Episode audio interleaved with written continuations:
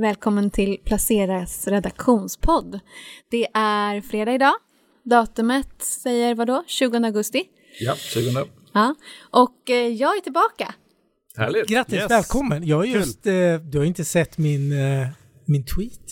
Nähä. Där har jag skrivit att du är tillbaka. Ja. Eh, efter nio månader, jätteroligt och så kul att sitta här och podda igen. Vi som poddar idag, jag, Elinor Bäcket. Eh, Matte Blomgren. Karl Lantz. Per Ståhl. Och vi har haft en liten, eh, ja men ganska spännande börsvecka. Igår gick börsen ner ganska mycket, ner mot en 2 procent. Jag vet inte vad det stannade på. Däromkring. Ja, jag tror det hämtar sig lite. Det hämtade upp sig på eh, slutet, ja, precis. Avrundat 2 ner. Ja. Och eh, det var väl Fed? Som pratade om att de skulle eh, minska tillgångsköpen här framöver. Så Eller- kallad tapering. Så kallad tapering. Vad fan, det har Pekka pratat om i... De som har lyssnat på våra poddar vet att det har Pekka pratat om i åtta månader, Minst. minst. Och varför blev ändå marknaden tagna på sängen då? Kan man fråga sig. Var det mer än väntat eller vad? Man vet väl ingenting än. Nej, Hur stort jag tror, det inte, är. Nej. jag tror inte det var mer än Nej, det väntat. kan ju inte vara tagen på sängen. Då har man ju... Men jag tror det är en, kanske en kombination att eh, tapering, eh, delta-spridningen fortsätter Och lite svaga makrosiffror har kommit in, även Ja. från Kina och även amerikansk. Lite... och en del eh, nya tecken på att komponentbristen inte liksom är på väg bort. Toyota Just så, det, Toyota ja. skulle dra ner produktionen ganska rejält, föll en del bilunderleverantörer och sådär. Så att eh, det är kanske inte en stor grej utan många små och att börsen då, man får inte glömma att det var all time high så sent som förra veckan. Precis, Såklart. jättestark börs. Så ett par procent ner är väl egentligen Och bara. vi har amerikanska semestertider också. Kanske. Kan lite grann spela in. Ja, London nu, precis. Det är stora börser som är lediga. Londonbörsen, och, eller inte lediga, men investerarna är ju lite lediga i alla fall, både i det London och brukar vara lite svajigt så här i slutet på augusti liksom och september här. Så Lite det, sommar, sensommarstök som vi inte har sett så mycket av. nej. Nej, om fredag nu när vi sitter här och spelar in så är det lite ner och jag tittade på senaste veckans utveckling. Eh, Fyra av fem dagar kommer att vara minus om, om det skulle sluta ner idag. Så att en sån här ihåll, vi har haft några dagar som har varit sura och sen har det hämtat sig direkt. Men att det ändå har hållit i sig nästan en hel vecka. Vi hade ju några sura dagar i, i juli där, mitten på juli. Om Ja. vi backar en månad. Alltså det var ju någon dag var väl den största nedgången på väldigt Ja. lång tid i- på någon, på någon Ja, av USA-indexen. Precis i början på rapportperioden och sen så kommer rapporterna bättre och bättre och bättre och så glömde man det igen. Men det här tillhör ju liksom, det är ju inget onormalt, det här tillhör ju livet på börsen. Men det som är lite läskigt då, om man tittar till exempel Nasdaq, där har vi ändå haft hack i kurvan. Vi har knappt haft någon hack i kurvan här i Sverige. Sen Nej. typ höstas. nej. Och Nej. sär, särskilt inte när det gäller investmentbolagen då. Nej, De har ju, Man vill hacka lite. nu har de äntligen börjat hacka lite, kan man väl säga. det är ju på tiden. Ja, Vi hade, ju, vi hade ju uppe det i, tror det var i början på juni, när industrivärlden till exempel också var på premie då, Ja. som jag har bara har noterat portfölj och ska ju liksom inte vara premie på det. nej. Man kan ju förstå de som har mer onoterat att det finns en, om vi tar rygg på de som är duktiga investerare. Men, eh, så det är väl också en lite tillnyktring kanske, Vi ska snart se det som ett sundhetstecken tror jag. Det här. tycker det. Mm. Jag tittade faktiskt på, då, då pratar vi om eh, att till exempel Spiltans investmentbolagsfond.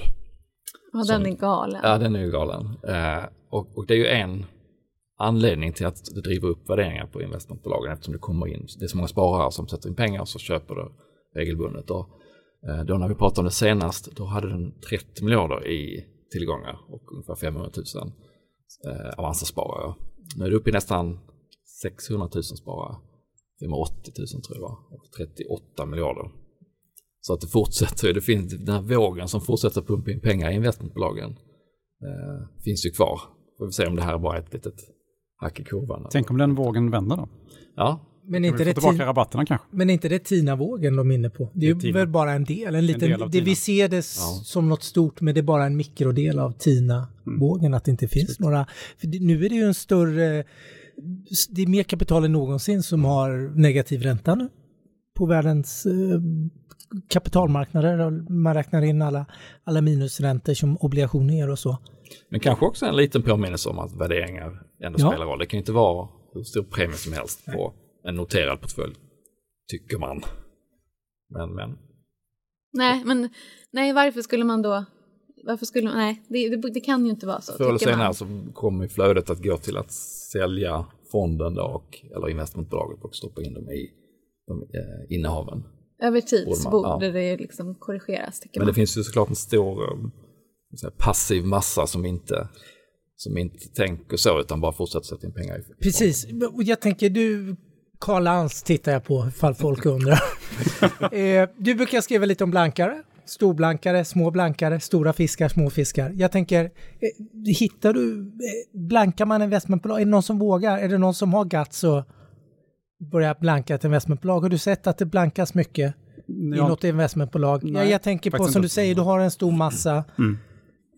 För nu är väl nedgången kanske drivet av att fonder har sålt för att det är högt värderat. Man, man köper sånt som är billigare än long only-fond. Ja, och det har hamnat lite liksom i rampljuset. Ja, och det har hamnat lite ramplu, några tidningar har skrivit om det och det pratas en del om det.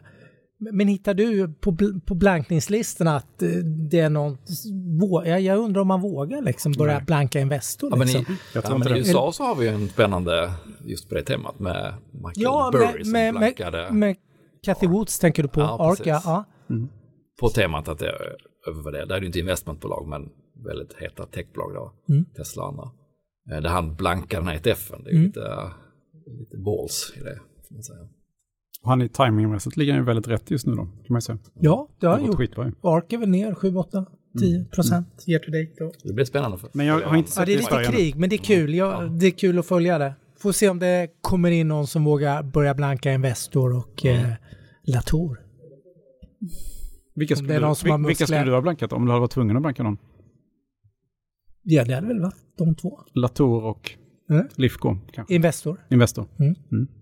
industrivärlden. Nu Jag- tror jag inte att deras premie är så stor längre. Ja, men EQT nära känns, jag tänker underliggande, EQT känns ju eh, för mig, den är ju dubbelt så högt värderad som de amerikanska peers. Mm. Apollo. Exempelvis, de spännande. är riktigt stora. Men det är klart, de har väl lite högre lönsamhet, EQT. Men det känns ändå som att i de underliggande innehaven kan det finnas mycket luft också. Men som äger ni några invest, eh, investmentbolag nu? Åh, ja, jag äger Latour och Lifco som du säger. Vostok New Venture säkert. Ja, det äger jag också. Den har ju, men Jag den har ju rabatt. Mm, precis. Ja? Ja, den Nej, jag. jag äger inga. Jag har Investor också. efter. Har du Investor också? Ja. En av mina bästa. Ja, ja, Latour det och Lifco, gått det är mina, också mina, bland de bästa. Mm. Det är lite Ja, det har- sorgligt. det Det är lite sorgligt som man vill vara stockpicker när de bästa, de bästa bidragsgivarna investmentbolag där andra sitter och stockpickar åt den. Men så är det. Mm. Mm. Men eh, tror ni på en korrigering nu snart här då? Ja, vi är väl inne i en korrigering just Mm. nu. Så att, eh, Men den En är liten. väldigt liten väl än så länge. ja, men alltså någon större, det är ju, det är ju ja, det, får, det är möjligt att vi är på väg in i en sån. Och det tar ju mig då in på ett ämne som jag skrivit om den här veckan. Eh, det är ju om man ska ha kassa eller inte. Och Vi har blivit intervjuade av dig allihopa. Ja, alla har blivit intervjuade. Jag till och med intervjuat mig själv. Eh, Det är de bästa intervjuerna. ja, Då får man precis. bäst svar. Eh, men ja, och då, där finns det ju väldigt olika åsikter även kring det här bordet. Vi, ser, Mm. Jag har ju liksom nästan motpolerna här dessutom. Och då pratar jag Har du om Karl är och nej, du är Nej, inte är- mo... nej. Jo, du, är nej, inte. inte, liksom, men vi har extremerna om vi säger. Karl och Martin. För du har mest kassa och du har minst kassa. Martin mest, Karl minst. Ja, normalt sett så brukar jag vara fullinvesterad i liksom pengarna jag dedikerat till att ha i en aktieportfölj. Eh, och sen så har jag vid vissa tillfällen gått upp i kassa och vissa tillfällen gått upp i väldigt mycket kassa. Men jag är ju medveten om att på riktigt lång sikt så är det oftast smartast att vara fullinvesterad. Men eh, det är kul att ha lite, lite krigskassa ifall man tror att börsen ska lugna ner sig. Eller i de fall man, man jag tycker det är svårt att hitta liksom, hyfsat billiga aktier med bra potential. Eh, då kan det vara kul att ha lite kassa och om det kommer en korrektion så, så kan man slå till. Du sa, jag tror att några ord där är liksom nyckeln. Du sa att det är kul. Ja, Och jag tror att man är ju inte så liksom rationell som man vill tro. Och det var det som jag tycker alla de här svaren intervjuerna, nästan alla är ganska ambivalenta. Mm. Så här gör jag. jag. Det går inte att tajma bla bla bla, men ändå är det som man försöker göra hela tiden. Även om det är på marginalen. Så liksom det är ändå det som gör att det blir roligt. Ja, men också. är, det, är det inte lite balsam för själen när man mår dåligt? Att du måste göra något? Alltså, men det styrs lite mentalt för att annars sitter man och har mycket tankar och mår inte jättebra. Ja, och har man då av någon anledning om det är utdelningar eller om man har nya pengar eller om man har sålt något och sitter där. Så då är det ju mycket, känns det mycket bättre att tänka på att det dyker upp ett köptillfälle än att köpa någonting som man egentligen inte tror på. Även om man vet att över tid så kanske det är bäst att vara fullinvesterad. Alltså det, är liksom, det blir väldigt ambivalent. Men om Men det handlar om att man tycker att det är kul. Om den går ner så känner man sig lite smart när man har kassa, även om man vet att egentligen är det smarta att vara fullinvesterad på lång sikt. Men i det korta kan man ju känna sig smarta. Mm. Och man kan göra bra affärer naturligtvis om man tajmar det. Men det är ju Jag, svårt. jag ser ju lite som att min kassa är ju min belåning. Liksom. Ja. Så att eh, jag är alltid fullinvesterad och sen belåningsgraden skiftar ju. Liksom. Men du har aldrig sån hög belåningsgrad så att du måste sälja någonting du inte vill sälja, eller hur? Det, bara- är, det är min tanke i alla fall. Okej. jag Men vad menar du med att, jag vill ändå ha så? en liten varningstext här vad menar du med till att din belåning är en kassa? Menar du alltså be, belåningsutrymmet Exakt, det är, kassa? är min kassa. Din Mm. ändå inte utnyttjade belåning. Exakt. Jag tänkte på dig Martin, har du någon modell som du följer? Har du någon så här makromodell eller någonting? Har du skruvat ihop någon modell som säger, som ger köp och sälj när du ska över undervikt om du förstår Nej. vad jag menar? Är det, eller är det, Ja, det är mer- är det magen Den eller skallen? Ja, det Ja, är mer- nej, jag bara undrar. Nej, det är mer magkänslan och eh, ja, någon slags allmän bedömning. Man ska inte döma ut magkänslan, den Nej, baseras ju nej, på... nej, jag tänkte om du har byggt någon avancerad ISM-modell och du tittar på mjuka framåtblickande variabler när de kommer in Nej, för lågt. absolut inte. Me- Mer att om, om jag tycker att balansen, att börsen inte reagerar när någonting väldigt stort skulle kunna hända. Du hade väldigt timing där i coronakraschen. Ja, då, då gick jag ut eh, i princip helt i slutet på februari. Eh, då hade det varit igång i Kina ett tag eh, och jag satt i mitt dåvarande jobb så att jag satt med i liksom krisgrupper och såg hur tufft det var med alla fabriker som stängde och hur svårt det var att starta upp. Och sen så när det blommade ut i Italien då över helgen, på, första helgen på Stockholmarnas sportlov. Eh, och börsen var fortfarande upp ganska mycket på året och det var ett jättestarkt år innan dess. Så då drog jag mig tillbaka mer av, av liksom, om det här worst case spelar ut även i Europa så kom, har vi inte den möjligheten att stoppa det som Kina har. Eh, Så mig tillbaka. Sen, men sen hoppade jag in efter några veckor så det blev jättebra den Men- gången. Men, Men hoppa, för jag gjorde ju samma sak i Ja, princip. Mr Alltid Ja. fullinvesterad gjorde också gjorde det. det. För jag, jag var på lunch med en förvaltare som var livrädd. Och det här var i början på februari. Han var helt sådär chocktillstånd. Hur, för han hade kompisar i Kina som var just i Wuhan. Och någon son som pluggade där på universitetet Ja. och berättade att det här är liksom nu, Det är nu, nu är det, ja. Och jag blev helt sådär, så jag började sälja av massor. Och eh, sen började jag handla Conora. Det Jag handlade, nästan direkt ju. Ja, och jag började, jag började någon gång mitten i alla fall, mitten på mars. Började jag handla. Men med ganska små summor. Jag gjorde små bombmattor. Så här, och höll på så varje dag. Men jag tyckte det, har inte, det gav inte så mycket. Jag var kanske upp 20-21 procent i fjol. Det är lite, lite bättre, men det kändes som jag borde ha gått upp 50 procent. Men när, hur mycket sålde du då? Ja, men jag sålde väl ner, jag sålde drygt hälften tror jag. Jag sålde så kanske pass 50, mycket ja, ändå. 50 procent sålde jag av och sen började jag handla upp där. Men jag missade de här stora uppgångsdagarna som var i början på april. Det, Ja. det var ett antal sådana dagar och då var jag inte fullinvesterad. Då kanske jag låg 70 procent eller 75 procent. Och det tror jag skalade bort mycket av den här överavkastningen jag borde ha fått. För timingmässigt var det rätt smidigt. Va? Men lyckades du, för jag vågade inte trycka in allt liksom den 20 mars. Det var man inte jätte... Jag var glad att jag gjorde lite affärer och mådde Ja, lite halvdåligt. jag gick in men sen hoppade jag lite fram och tillbaka för det var, ju- det var ju inte så att man vid det tillfället såg att "Ja, men här kommer komma ett vaccin snart och det här är över utan det är som det alltid känns i de där tillfällena att det här kanske är den stora, stora som kommer hålla sig flera år.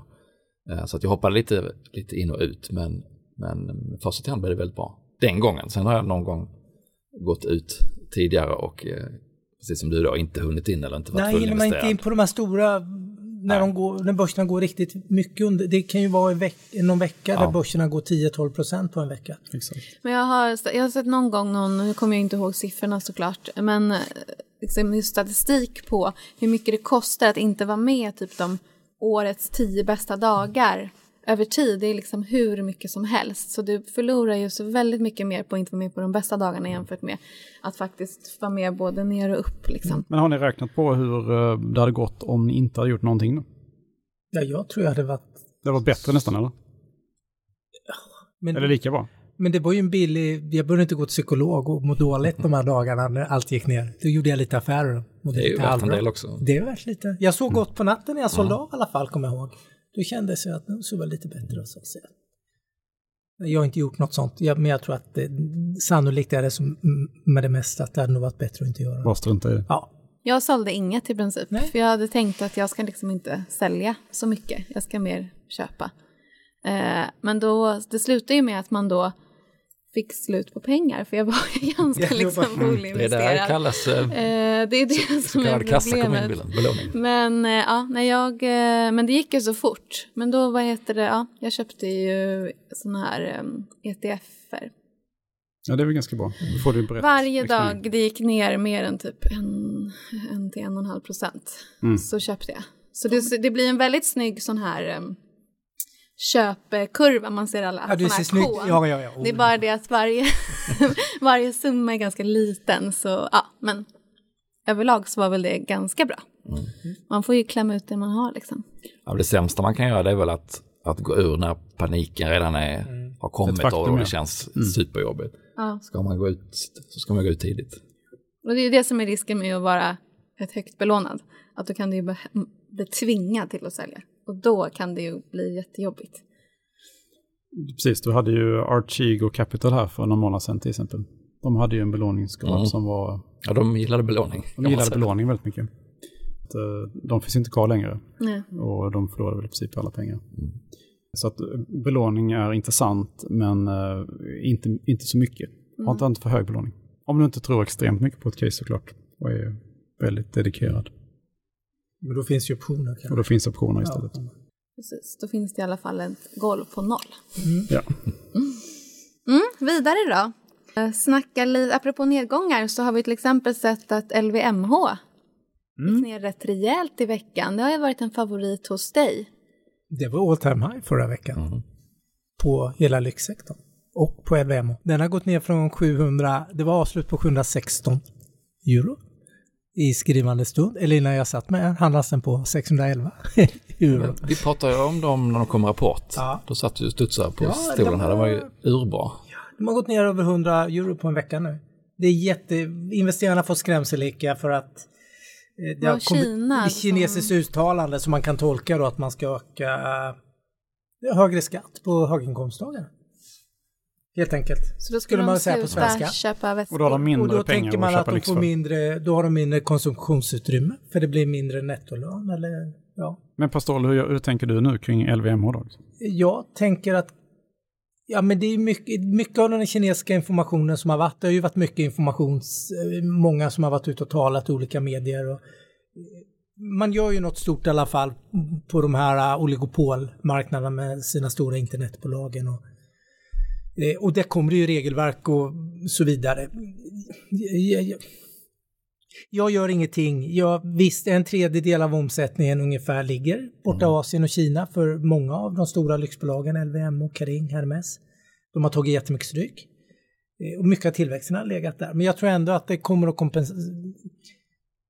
Jag tror fortfarande man kommer att prioritera och köpa eh, lyxprodukter även om du kommer att... Jag tror att det är annat som drabbas. Så jag tror att det är en överreaktion. Det var ju Men- lite, vi, vi gjorde ju precis samma sak samtidigt, Mm. oberoende av varandra där. Mm. För vi passade ju på att köpa. Exakt. Jag har ju min, man har ju alltid sin köplista liksom. Och LVMH fanns ju med där och plötsligt så hade den nog tappat 100 euro. Då tyckte jag att eh, då kan jag köpa lite grann. Mm. Men då köper jag bara lite. Mm. Så ifall att det skulle fortsätta ner. Och du har också köpt? Jag köpte också. Jag köpte, nu är vi alla LVMH-ägare. samma... Inte jag. Nej, Men, men det kanske ska bli. Du väntar på Du kan 100 fortfarande till. Nej? Du vill ha den på 500 kanske? ja, det skulle, ja, men jag, jag kanske ska göra som du och sätta upp en liten köplista här ifall det skulle bli skakigt. Mm. Det tänker jag att jag har, men det har jag bara i huvudet. Men du ska Borde få en kanske. köplista av mig nu. Jaså? Jag har två bolag som har kommit med rapport i veckan. Nu måste vi prata lite roligt. Nu har vi pratat sån här coronakrasch och Ja, sur vecka och lyx som har... Jo, Nibe. kärt barn. Kommer Ja, en hög aktiekurs. hög aktiekurs, kommer en kanonrapport. Ja. 24 procent en monsterrapport.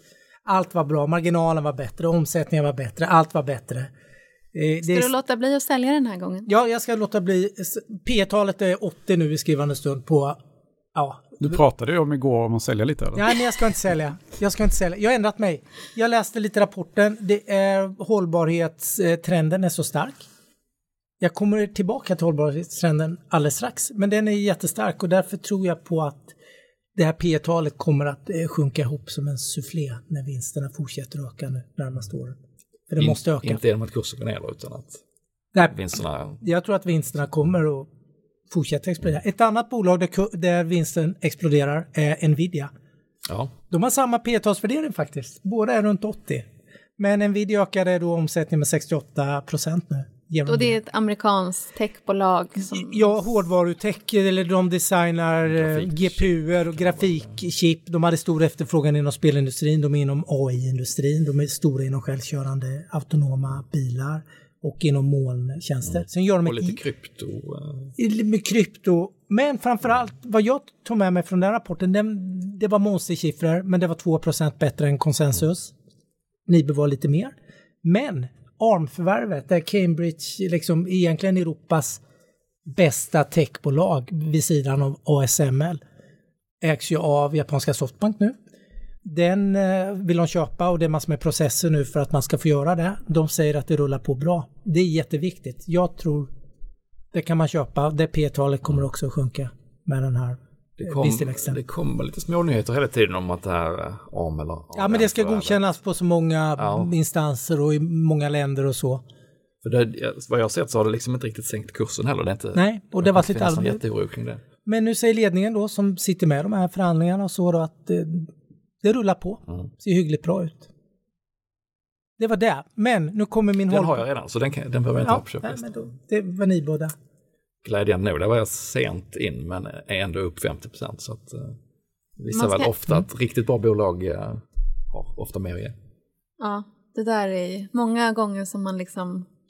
Så många gånger som man inte Mm. är, går in bara för att man tycker att man är för sent på bollen. Och så är man inte Det är samma med ASML till exempel. Jag skrev ju om dem i oktober eller november. De är upp långt över 100 procent sedan dess. Mm. Och då hade de redan liksom, det var väldigt sent. Mm. Kunde man tycka då. Då har de gått 100 procent. 12 månader Ja. innan. Ja. Men, det, men de växer ju också extremt växer ju samma. Vinderna, det är ju samma Monopol, monopolaktig. Det är monopol. Det är lite Nvidia också faktiskt. För de har många, IP, många patent som andra behöver ha. Andra tillverkare Mm. måste ha deras patent för att kunna göra sina motsvarande grafikkort. och sånt. Men lite hållbarhetstema och fortsatt tillväxttema. Oatly. Yes, den har ju, eh, de har släppt också rapport ganska nyligen. Ja. Och eh, det största problemet där är väl att eh, de helt enkelt inte kommer ikapp med produktionen. Då. Så att de rampar upp sin produktion så mycket de kan.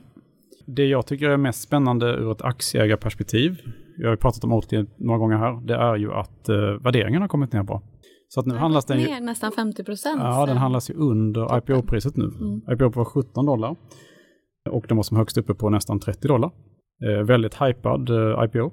Och nu är den strax under 15, eller? Ja, den är på, den man kunde få den för 15 dollar eh, och då valde jag faktiskt själv att slå till där. Så att eh, jag äntligen Där, köpt där, gjorde jag, där var jag en copycat på dig kan jag säga. Där också? Ja, Mm. men jag var ju tvungen att, i och med att jag tänkte att det var bra, inte så bra att ha för mycket kassa. Och så märkte jag att jag hade kassa så var jag tvungen att köpa något. Så då slog jag till på lite, ja, men lite osvenska aktier den här veckan. Mm. Ja, du är smart. Du har en fråga. Så här, du går och funderar vad gör jag med min kassa? Så kommer du på ah, jag intervjuar alla mina kollegor. Och sen- vad ser du då? och sen får du en jättebra artikel som är läsvärd och, och sen så får du liksom, svar på ja, dina frågor. smartast? Det är Ja, det briljant. vara. du är smartast av oss alla. Men det roliga med Oatly är ju, inget, är ju faktiskt ett svenskt bolag. Ja, Det är ju ett skånskt bolag till och med. Lund nästan. Ma- ja, Malmö är och huvudkontoret, ett Landskrona väldigt produktionsläggning. starkt varumärke i Ja. en väldigt positiv. Men det här, som, det här, det var ju en blanka firma som gick ut och sa att de hade blåst upp siffrorna och så. Det, det är bara brus eller ligger något bakom det? Alltså bolaget själva säger ju att det är brus i alla fall. Eh, och de har ju lyckats få ner kursen eh, då med mer än 50% från toppen här. Eh, så att eh, jag, jag litar ju på att eh, prospektet var, är bra liksom. Eller stämmer det som står i det. Eh, ja, det är, det är upp till var och en så att säga. Om man, men jag tycker ändå att det, när jag går i butiker och ska köpa min havremjölk så tycker jag ofta att den är slut. Och det står ofta att vänta på leverans från leverantör. Liksom. Mm. Så att, eh, Vilket i sig är lite ett problem. Som Ja, det är du var inne på. Det är ett problem. Det problemet är också att, då att folk kanske byter till andra alternativ liksom, och Mm. tycker att de är kanske bättre. Då. Det har jag försökt, men jag hittar ingen som är Nej, bättre. Nu ska vi inte göra varumärkesreklam, men jag just, för det är ofta slut i min butik. Mm. Så lite sådär, och du köper något annat, men jag har inte blivit lika. Det, Nej, och det finns ju andra, men det finns ju andra då, till exempel du kan ju testa rismjölk, det finns ju allt möjligt liksom. ja, just det. Eh, Mandelmjölk. mandelmjölk, ja, det är kanske det jag ska göra. Och, För nu har jag testat andra havremjölk Mm. och inte tyckt att det Mm. smakar riktigt lika bra. nej. nej, men eh, i alla fall, jag tror att Oatly har en uh, jättefin resa framöver härifrån. Det, det, det tror jag verkligen. Det, var, det är inga imponerande siffror på vinst. eh, Det är ju... Alltså de gör förlust. de går liksom. för att göra Ja, förlust men jag tänkte om den är mindre än väntat. Och, Ja, men försäljningen var väl mycket bättre. Det var mycket, Ja. precis. Och mycket, alltså extremt stark efterfrågan. Och sen är det ju svårt att rampa upp produktionen. Mm. Det är ju det huvudproblemet är. Men det kommer ju, det är ett angenämt problem tycker jag. Liksom. ja, och den dagen de rampar upp den så kanske det överraskar marknaden också. Att Ja, det, säkert. ja. Och jag menar havre är liksom, eh, det är ju världens mest tacksamma råvara också. Det kan ju odlas överallt och förhållandevis billigt, nyttigt. Så att, eh, sen är det dåliga då att det finns inga, eh, det finns inga hinder egentligen för någon annan att ge sig in i marknaden. Men det är där man kan tycka att det där säkra varumärket ändå kommer in. Ja, och det kommer komma in där tror jag. För det där kan man ju säga om, inte alla branscher, men väldigt många. Ja. Att det är lätt att ta sig in. Men har man ett starkt Ja. varumärke så, så är det tufft alltså för Ja, konkurrenterna. Och om Ja, kvaliteten då är det framförallt är det ju lättare att ta mycket mer betalt Ja. också. Men ökar inte det trovärdigheten om det kommer fler spelare också? Då blir en större, på något Ja. sätt, då blir det mer havremjölk, då är det en produkt Mm.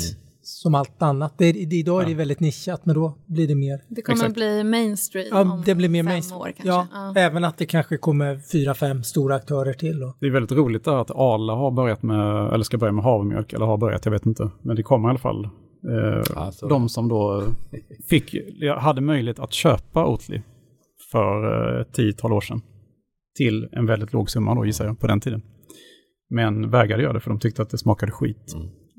Och har ju i sin reklam då använt det som att det inte är riktig mjölk. Och, Ja, just det. och nu backar de lite på det. Ja, Mm. Så det är ju ett tecken på att eh, de ser det här hotet på allvar. ja visst, verkligen. verkligen. Och det, det du säger, det ger leg- legitimitet. Då, säga.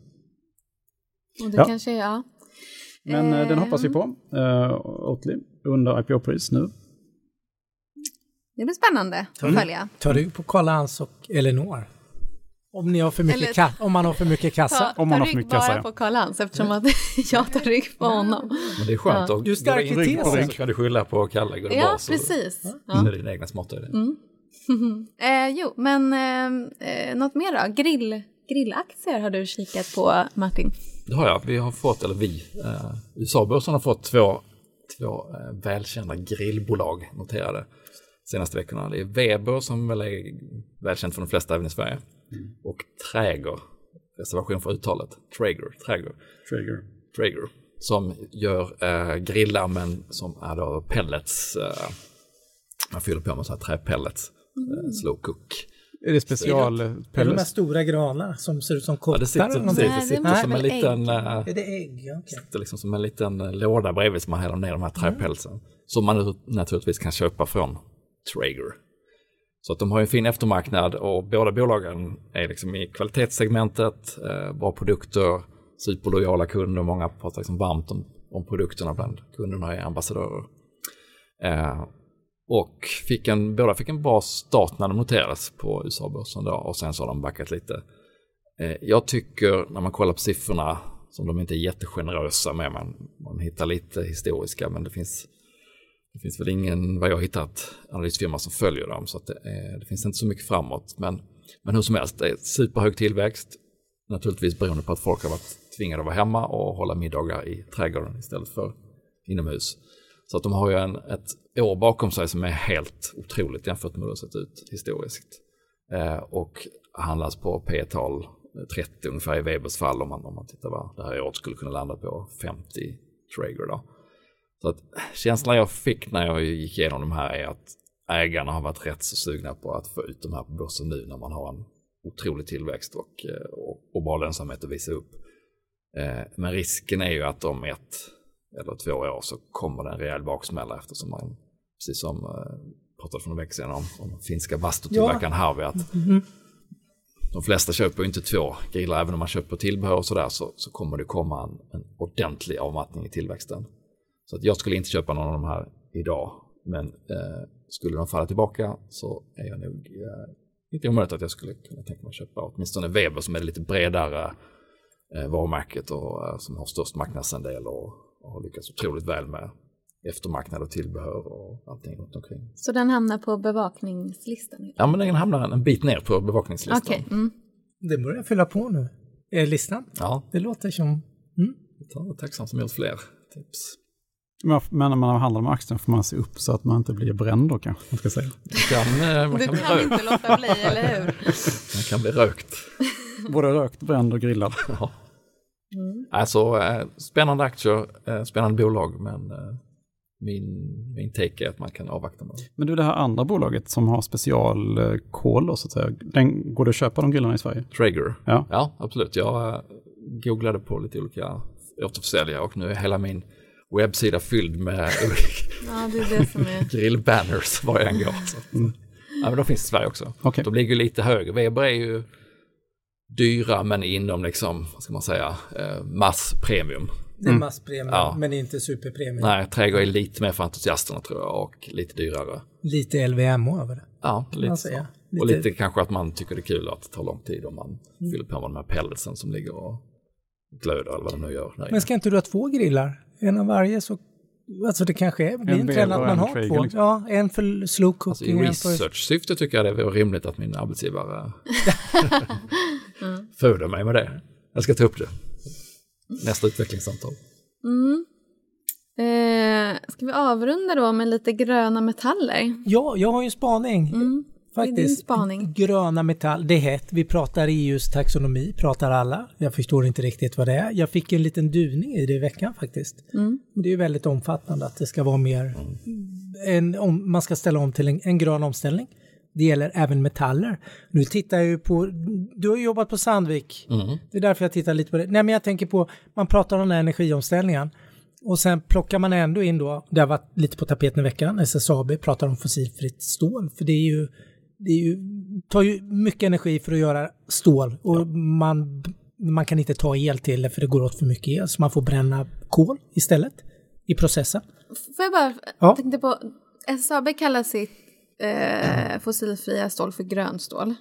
Men när vi pratar gröna metaller, då pratar vi väl om de metallerna som behövs? Jo, för att göra i, batteriframställning en, handlar det om. Ja. ja. och de behöver inte alls vara gröna. Jag bara tänker nej, för nej, det är det jag, jag menar. lite nej. förvirrad där i det, det, var jag som otydlig. Men gröna metaller pratar man ju om. Det är ju metaller som koppar, litium, kobolt, kobolt, nickel, ja. litium och det här som behövs för att framställa eh, bilbatterier kan vi säga. Det mm. såldes knappt 3 miljoner bilar, elbilar i fjol.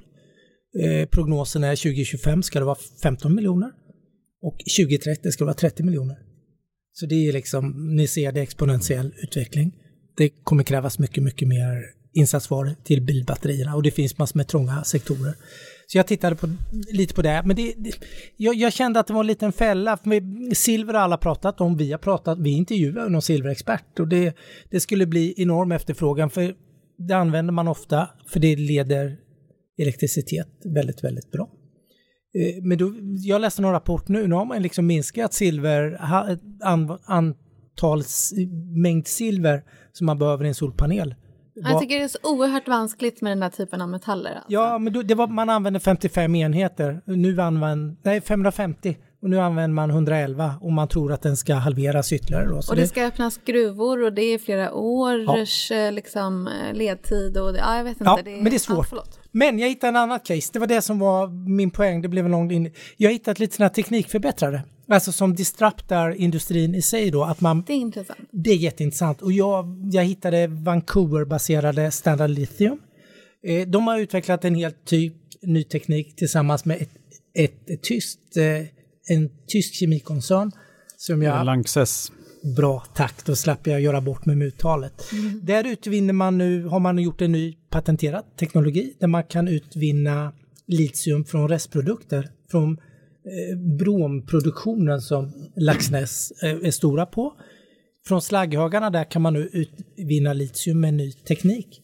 Och då, det går åt mycket mindre energi och du behöver inte starta nya gruvor eller starta hela den processen. Jätteintressant tycker jag. Det är lite teststadium, men det är jättespännande. Det finns ett liknande experiment i, i Tjeckien som ett annat. Eh, eh, eh de där är ju Toronto eller Vancouver baserade, så det är Torontobörsen. Torontobörsen har ju väldigt mycket råvarubolag och även inom de här nya teknikbolagen då inom materialhantering då. Det här har jag inte fått hjälp med uttalet, men euro heter det först. Så det, det eh, manganis, jag vet inte, mangan i alla fall. De är... är man, Lät okej okay, liksom. Ja, tack. De ska återvinna mangan då från gruvavfall här också då. Alltså gamla slagghögar som egentligen är lite halvgiftiga och pestar mest ner omgivningen. Ser ganska fula ut, jag har sett några.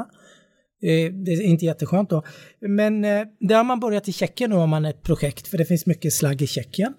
Och sen tänker man ännu mer hållbarhetsmässigt. Det är väldigt nära till Berlin. Om man är i Till Tesla? Till Tesla och även till Volkswagen som båda planerar att bygga eh, batterianläggningar utanför Berlin. Så då, och som måste anpassa sig till den här taxonomin. Eh, till taxonomin och då ska man då, precis då har man råvaror som då har kommit fram mindre, det är mycket mer energieffektivt för att ta fram dem för nu går man igenom slagghögarna igen och eh, kan utvinna mangan från det. Och man tror att gruvavfallet blir lite renare också på den här resan då. Och det kommer att gå åt mycket mindre energi. Så energiomställningen blir ändå bättre. Jag tycker att det är ett jättespännande case. Jag tror att det är här man ska leta mm. lite. Ja, och lite återvinning också. Och lite återvinning. Ja, ja, det är flera som... För det här är inte direkt återvinning. Nej, men, men det, här, det finns mm. återvinning. Batteriåtervinning är det många som tittar på nu. Hur man... Och det är många stora aktörer, även Lanxess håller på med ett stort återvinningsprojekt. För det finns jättemycket batterier, alltså bara i USA, har, där har man valt att gräva ner batterierna på återvinningsanläggningar, liksom, ha det som fyllnadsmassa. Man hade kunnat återvinna det på något bättre sätt. Men det, det, det, i det liksom. Ja, men det, det är massor med grejer, men det går att återvinna och gräva upp, så det finns jättemycket material då. Och det går åt mycket mindre energi för att ta fram då via återvinning. Ja, men den vägen kommer ju säkert att bli stort tryck på att alla måste tänka mycket mer ja, cirkulärt. och det blir det med EU, för den är mycket mer ja. cirkulärt tänkt. Och jag tror att man går bort till att köpa silvergruvorna och de här nickelproducenterna ja. och lite sånt där. För det, det, är för, det är för svårt, det är för många variabler som man inte kan ha, inte ens bolagen själva har liksom eh, makt över sina egna verksamheter. Nej, och de är vansinnigt belånade också. Ja, ja men jag, bara, jag kan ta jätte med Norilsk Nickel, världens största nickelproducent som är rysk från staden Norilsk, Norilsk. från början. Och det var utanför staden Norilsk nu som det var en stor dieselläcka. Det, permafrosten började lösas upp som aldrig skulle hända, så man hade inte byggt riktigt för att kärlen skulle gå bort. Jag kan tipsa folk om att gå in på Google Earth och kolla på Norilsk, hur det ser ut ja. runt omkring där. Men det är grejen... ganska, ganska brunt kan man säga. Ja, det är ganska brunt. Men grejen är att man har inte kontroll, precis som du säger. Och nu har man åkt på massor med straffavgifter från EU också nu. Jag tror att den är på 2 miljarder euro. Mm. Så det, det, visar lite att det är svår verksamhet då, men att det, det finns företag Många av de här som... metallerna som behövs utvinns ju i länder som Kongo och mm. Kina och, och ja, men länder som man kanske Afghanistan. inte vill av, eller där utvinningen, Afghanistan, mm. Där, mm. där, utvinningen kanske inte sköts på det sättet som, som man som köpare av en produkt eh, hade önskat. Så att det är ytterligare ett skäl att öka trycket på eh, cirkulära modeller. Ja men precis och jag förstår att Volkswagen är ute nu, de ska ju ha 70 modeller någonting, elbilar 2030 tror jag, något sånt där, nu kanske jag går bort med. Men, men de vill ju ha mycket mer hållbart och cirkulärt eh, tänkande även på stålet. Det är väl det som driver fram SSAB nu då, för de vill ha fossilfritt stål och fossilfri koppar och eh, kobolten ska liksom vara framtagen. Precis, om man tidigare på... kunde säga att vår egen verksamhet är så här bra ur hållbarhetssynpunkt så måste man nu kunna visa att även leverantörerna mm. och till viss del kunderna är det för att, för att liksom vara en, en grön aktör helt och hållet. Så lagen, det händer jättemycket i sektorn, det var lite min mm. poäng. Och det, det, behöver hända jättemycket i sektorn. Mm. Och min slutpoäng är, jag tror Nibe, de behövs också, med värmepumpar behövs det inte bara nu att vi har suttit hemma och renoverar husen. Det behövs för den här gröna omställningen globalt att det är en aktör. Därför är Nibe bra. Nibe-kramaren har talat. Aldrig sälja. Aldrig sälja. ja. Vad hade någon något mer på hjärtat? Nej, ni pratar lite om egna affärer. Eh, jag har inte gjort ja. någon, men, eh, men som sagt, det kan bli dags om det går ner lite. Så att, eh, Du sitter där redo med din Jag sitter där som en stridskassa. annan Fredrik Lundberg och kanske. Vi får se om jag fyller på det jag har eller om jag plockar upp något av era det förslag. en, här. som en krokodil liksom? Sitter där och väntar på bytet bara. Eller en fästing kanske. Vad är högst upp på din bevakningslista? Ja, det finns ingen rankinglista. Det är det jag känner här att jag måste, Mm. jag måste liksom göra mig redo. För det är det som är så svårt, för det går så fort när det Ja. väl händer. Så det. Ja, det, bara det, det, jag Det tog ägna. fyra dagar för LVM att packa ihop, så jag menar det går fort. Mm. Det går fort när det väl vänder. De Apropå det, köpte- apropå det med att gå fort. eh, Jag köpte ju ett eh, amerikanskt bolag. Ni känner till eh, internetpsykiatri eller? Att man får behandlingar via nätet. Eh, Jag vågar knappt säga ja får du elchocker via... Man får elchocker via nätet. Nej men det är ju eh, kognitiv beteendeterapi kan du ju eh, genomföra digitalt. Så att det är mycket mer kostnadseffektivt att behandla eh, psykiska störningar.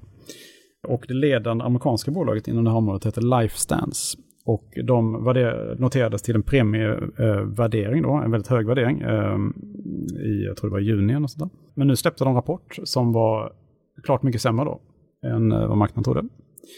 Och det berodde i princip på att det, efterfrågan är så hög så att de psyko, psykologer då som eh, är inloggade där kan ta liksom eh, kan ta mycket betalt, så att, eller de får inte så mycket, betalt, mycket pengar av det så att säga. Så att aktien gick faktiskt ner nästan 50 procent. Och då var den ju liksom, jag brukar säga att den gjorde det som Oatly gjorde, fast i, i rapid. Så, här. så att, men jag tyckte ändå att affärslinjen är så intressant, så jag Deras- plockade in lite sådana. Deras råvarukostnader har ökat kan man säga. Exakt, exakt, precis. Men Lifestance har jag köpt lite grann. Ja. Sen har jag köpt lite Shop Apotek också, det här tyska internetapoteket. som eh, är Ja. mycket intressant. Har inte den baksmälla, corona-baksmälla? Kursen i har så fall, i så fall har den haft det, haft det redan. Ja, jag- Eh, ja. Men, men det de har haft problem med är ju snarare att lagret, det automatiserade lagret då inte har varit så bra. Och sen har det varit eh, svårt att få tag i människor också som kan leverera alla de här. eh, Efterfrågan är, återigen att efterfrågan är så hög så att det är svårt att leverera. Men aktien har gått ner från 200 euro till 130 euro eller något sånt där. Så att den passade jag på att köpa. De har ungefär 1% av, eh, det var 1% av Tyskland som köper läkemedel på nätet. Och de har 30% av marknaden. Plus att de då finns i eh, Österrike, Nederländerna, Belgien, Spanien och Italien också. Men det är ju framförallt Tyskland som är den stora marknaden, som kommer bli den stora marknaden.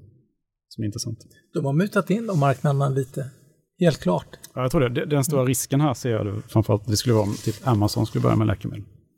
Det skulle kunna vara en risk för det bolaget. Vilket de gör i USA. Exakt. Mm. Men eh, det vet du inte när det händer. Liksom. Och dessutom är det inte säkert att det gör så mycket heller, liksom, för det är bra med konkurrens. För jag skjuter in två spaningar som jag tänker på när jag hör det där. Mm. Eh, Jag tittade på ICAs rapport i veckan, svenska ICA. De äger ju också Apotek Hjärtat. Mm. Det är störst på svenska apoteksmarknaden. Eh, Det har varit ett problem för dem, men det var en av de stora positiva överraskningarna i deras rapport. Eh, Apoteksmarknaden har haft det tufft därför att vi har hållit oss så friska, förutom covid då. Mm. Som vi har hållit oss hemma och så, så att vanliga säsongsinfluensan inställda operationer som, som leder till eh, Mm. eh, läkemedelsförsäljning har liksom gått ner. Mm. Eh, Men nu för första gången sedan pandemin så sköt det upp igen på eh, apoteksmarknaden. Så att det Mm. verkar normaliseras. Mm. Och en annan spaning från ICAs rapport att matprisinflationen gick ner i deras fall 0,6 procent. Och det sa de, det var den största nedgången sen ICA-gruppen bildades när de gjorde om det här eh, gamla konstiga upplägget som de hade för 2013 tror jag det var. Så att, eh, första gången på åtta år. Lite på tvärsen med alla andra inflationsdrivande Vilka livsmedel var det som faller? Ja, 0,6 ner, det, var, det är väl liksom något snitt över hela Ja, det är säkert något som är fallit ännu mer. Ja, Eller mycket mer. Mm. Det vet jag faktiskt inte. Men och även där så är det naturligtvis konstiga jämförelsesiffror eftersom Mm. eh, pandemin förra året gjorde att man hamstrade och handlade mer i butiker än på restauranger eller på andra ställen. Så att, eh, men en eh, siffra att passa över till Pekka Mm. och hans inflations-Excel-ark om man nu Mm. har något sånt. Det kör vi nästa gång. Ja, det är vi. Då vill vi ha svar på vad som backade. Va- varför det är så? Eh, men vi säger väl trevlig helg. ja, det gör vi. Ja, det gör vi. Ja. Ha det bra. Ha det gott. Hej. hej.